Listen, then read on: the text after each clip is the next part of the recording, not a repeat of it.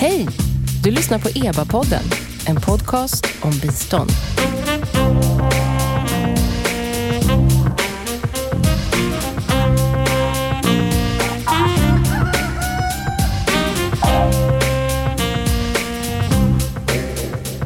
Välkomna till EBA-podden. Jag heter Nina Solomin och det är expertgruppen för biståndsanalys som ger ut den här podcasten. Hur klimatsmart är Sveriges bistånd? Ja, det kan man fråga sig. Vi har ju klimatbistånd, men sen så finns ju hela resten av Sveriges utvecklingssamarbete. Och hur väl ligger det egentligen i linje, eller de samarbetena, i linje med Parisavtalet från 2015? Det vill säga det internationella avtal som slöts för fem år sedan i Paris vid en stor klimatkonferens. Det handlade om mål för minskade utsläpp, klimatanpassning, men också att stötta de som har drabbats av klimatförändringar. Okej, då har vi Sveriges bistånd. Det är uppdelat i en multilateral del och en bilateral del. Och vad det gäller det multilaterala biståndet, alltså det som ges ut via stora organisationer och finansiärer som FN eller Världsbanken. Var det korrekt, Mats? Ja. ja. Så har EBA tagit fram en underlagsrapport som visar hur väl de här stora aktörernas utvecklingssamarbeten eller insatser, eh, hur väl de ligger i linje med just det här internationella klimatavtalet från 2015. Och Mats, jag har ju redan påat dig kan man säga. Välkommen Mats Hårsmar som är eh, biträdande chef på EBAs kansli Hej, tack. i studion här. Eh, du är här för att du, har, du är alltid här nästan när vi spelar in podd. Ja, vad gör man inte för att få komma med här? Ja, eller hur? Jag tror faktiskt att du är den som har varit i flest eh, avsnitt av EBA-podden. Så pass. Välkommen! Alltid lika trevligt. Tack. Du och kollegan Lisa Hjelm har ju väldigt nyligen slutfört en underlagsrapport där ni har kikat just på det multilaterala biståndet som Sverige ger och hur klimatanpassat det är. Det stämmer. Eh, Hur bar ni er åt? Ja, det började med att eh, regeringen skrev i sin klimatpolitiska handlingsplan för ett år sedan att det vore bra om det gjordes en oberoende granskning, en oberoende bedömning av det multilaterala eh, biståndet, hur pass väl i linje med Parisavtalet det är. Och eftersom oberoende granskningar, det är ju våran eh, hemmaplan på EBA, så sa EBA att ja, men det ska vi göra. Och eh, vi har tittat på hela det multilaterala biståndet. Vi har valt ut 25 organisationer av alla de som får stöd av Sverige.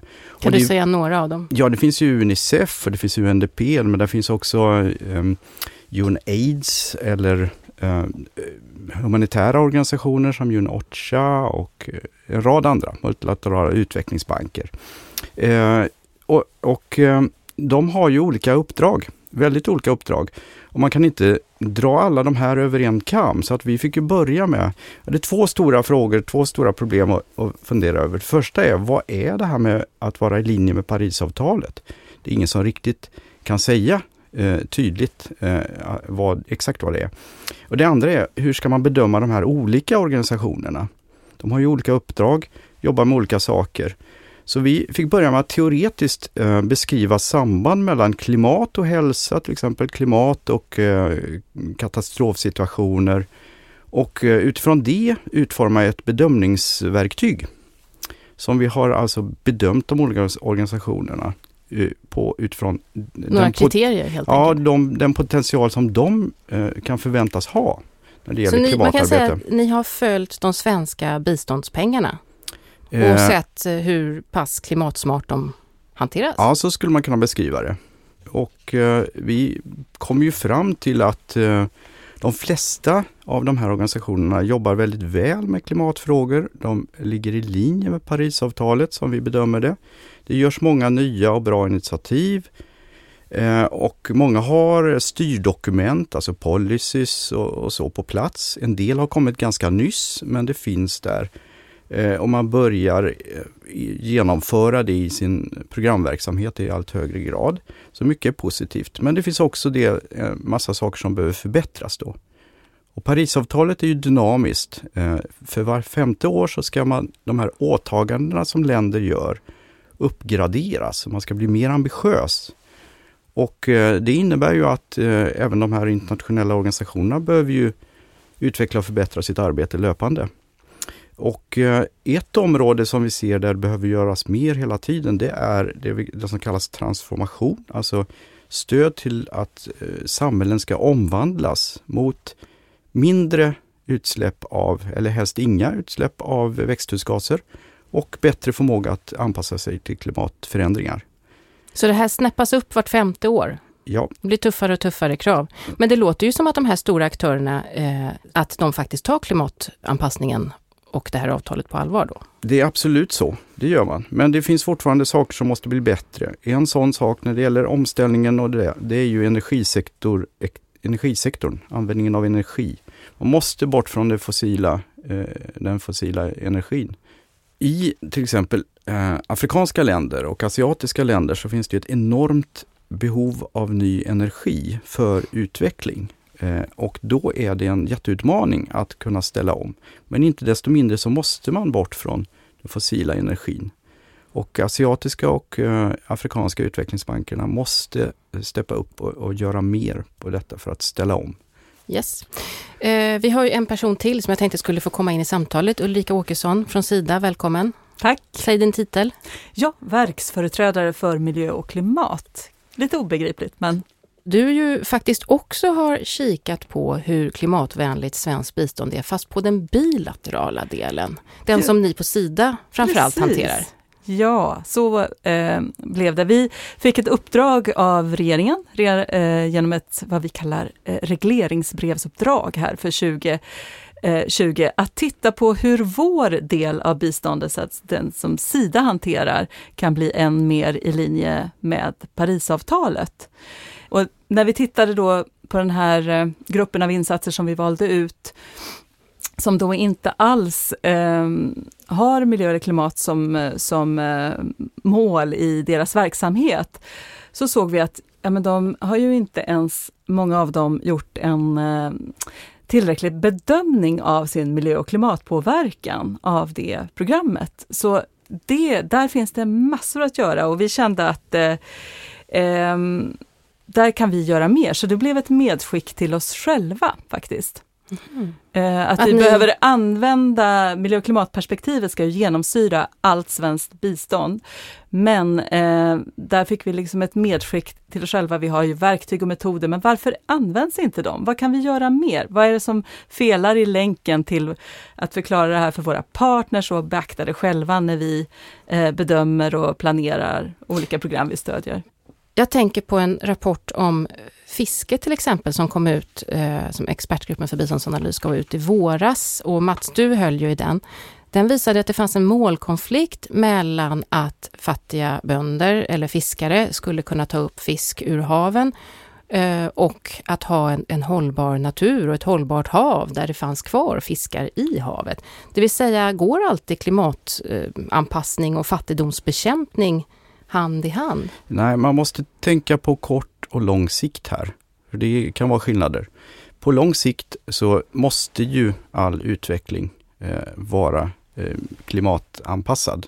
Det, det, fungerar inte i, annars idag. All, all, vi måste inse att så måste det se ut, så måste det gå till. Men på kort sikt så kan det vara så att man gör en anpassningsinsats. Eh, till exempel man kan försöka bevara eller återväxa ett mangroveträsk för att skydda mot eh, orkaner. Alltså det blir bättre skydd om det kommer en orkan. Istället för att odla räkor och då är det kanske någon som mm. förlorar sin inkomst från räkodlingen där. Men det handlar ju väldigt mycket om att man ska bevara eller nyttja naturresurser. Um, och uh, då gäller det att lära sig att det bästa bevarandet är ju att nyttja på ett uthålligt sätt. Så att det handlar om hur man utformar insatser. Och det är ofta de här konflikterna på kort sikt då som man måste lösa genom att göra på ett annat vis. Anpassning handlar ju om att göra annorlunda, vara Va, flexibel. Vad, vad säger du Ulrika, hur, hur, hanterar ni den typen ja. av fattigdomsbekämpning kontra klimatanpassning på Sida? Ja, nej men eh, det går ju det går ju hand i hand, höll jag på att säga. Fattiga människor, de är ju mycket mer eh, än andra eh, direkt beroende av naturen för sin överlevnad. Det kan ju vara vattendrag och skogar och eh, hav och inte minst. Eh, och då, eh, därav är de ju också än mer utsatta för klimatförändringar och behöver verkligen anpassa sig mot ett förändrat klimat som också eh, kommer påverka dem mer än det kommer påverka oss på många sätt. Eh, men eh, till det här exemplet som Mats nämnde så tänker jag att eh, det vi brukar hävda när Sida ska stödja någonting, ett program, säg att det handlar om fiske, så måste vi ju titta på, vi brukar säga att en, en miljö och klimatbedömning står på tre ben. Dels ska du titta på vad har det för negativ påverkan på miljön och klimatet? Eh, vad kan man se för positiv påverkan på miljö och klimat av det vi stödjer? Och sen också hur påverkar miljö och klimat själva programmet? Om man har gjort den analysen och tänkt till, då eh, hoppas vi och eh, tänker att ja, men då har man gjort en tillräcklig bedömning för att säkra sig om att man landar rätt, så att man inte hamnar i det här icke hållbara. Okej, okay. Det, det, multilaterala biståndet, det är ju också, eh, en stor del är ju också humanitärt bistånd, alltså som ges i händelse av katastrofer eller krig och, och den typen av mer akut och inte lika långsiktigt bistånd. Eh, är det också ett bistånd? Alltså det blir krig, det är massor med flyktingar i Irak, flyktingläger. Kan man klimatanpassa den typen av bistånd också?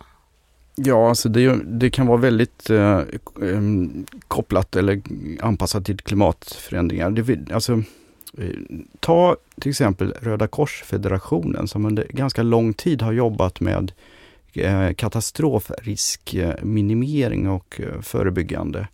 Det är ju en del av det humanitära arbetet som handlar om att eh, försöka se till att vara beredd när katastrofen kommer. Och eh, det talas idag ofta mycket om resiliens och det betyder väl motståndskraft och, och ännu lite mer än motståndskraft om man ska gå in i begreppet. Men hela den diskussionen kommer ganska mycket från det humanitära biståndet. Så det finns många initiativ där och det jobbas bra på många håll. En del andra eh, humanitära organisationer har en hel del ytterligare att göra, har vi kommit fram till. Så Det är lite ojämnt. Men det finns eh, många positiva initiativ. Till exempel UNOCHA och eh, eh, FNs miljöprogram tillsammans med Världslivsmedelsprogrammet jobbar med i, i katastrofzoner som är särskilt klimatpåverkade.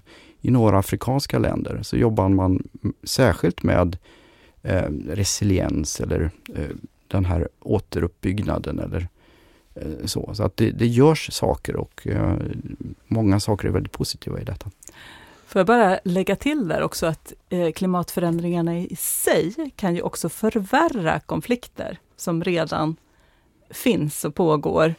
För det, det vet vi ju, att med ett förändrat klimat så blir det mer kamp om resurserna. Både vatten eller det kan ju vara ja men, tillgång till mark och annat. Eh, därför tänker jag att det, eh, det ena, det går ju så, eh, hänger ju så ihop och det eh, förhållningssättet börjar vi ju kunna prata om på ett annat sätt än förut och man har också dragit ganska mycket lärdomar. Och det, där, det är jätteviktigt för att eh, det är ju man har konstaterat att det finns inget direkt samband mellan klimat och konflikt, utan klimat ses som en konflikt Eh, förstärkare eller en, en eh, bidragande sak. Eh, så att det är ett komplext samband och det finns flera saker som är, är, hänger ihop i ett väldigt komplext samband. Så det är den komplexiteten vi måste försöka förstå och arbeta med.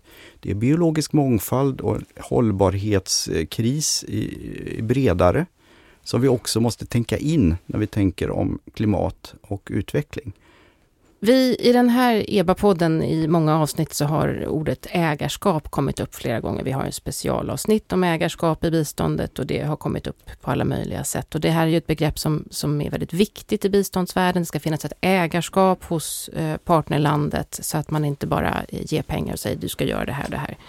Okej, men eh, om, om eh, Sida då ska, ska eh, ge bistånd och mottagaren faktiskt inte är så intresserad av att klimatanpassa eh, så att säga genomförandet av det här biståndet.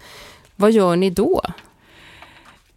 Jag tänker att eh, det, allt vårt bistånd handlar ju inte om klimatanpassning och kommer eh, aldrig att handla om eh, enbart klimatanpassning.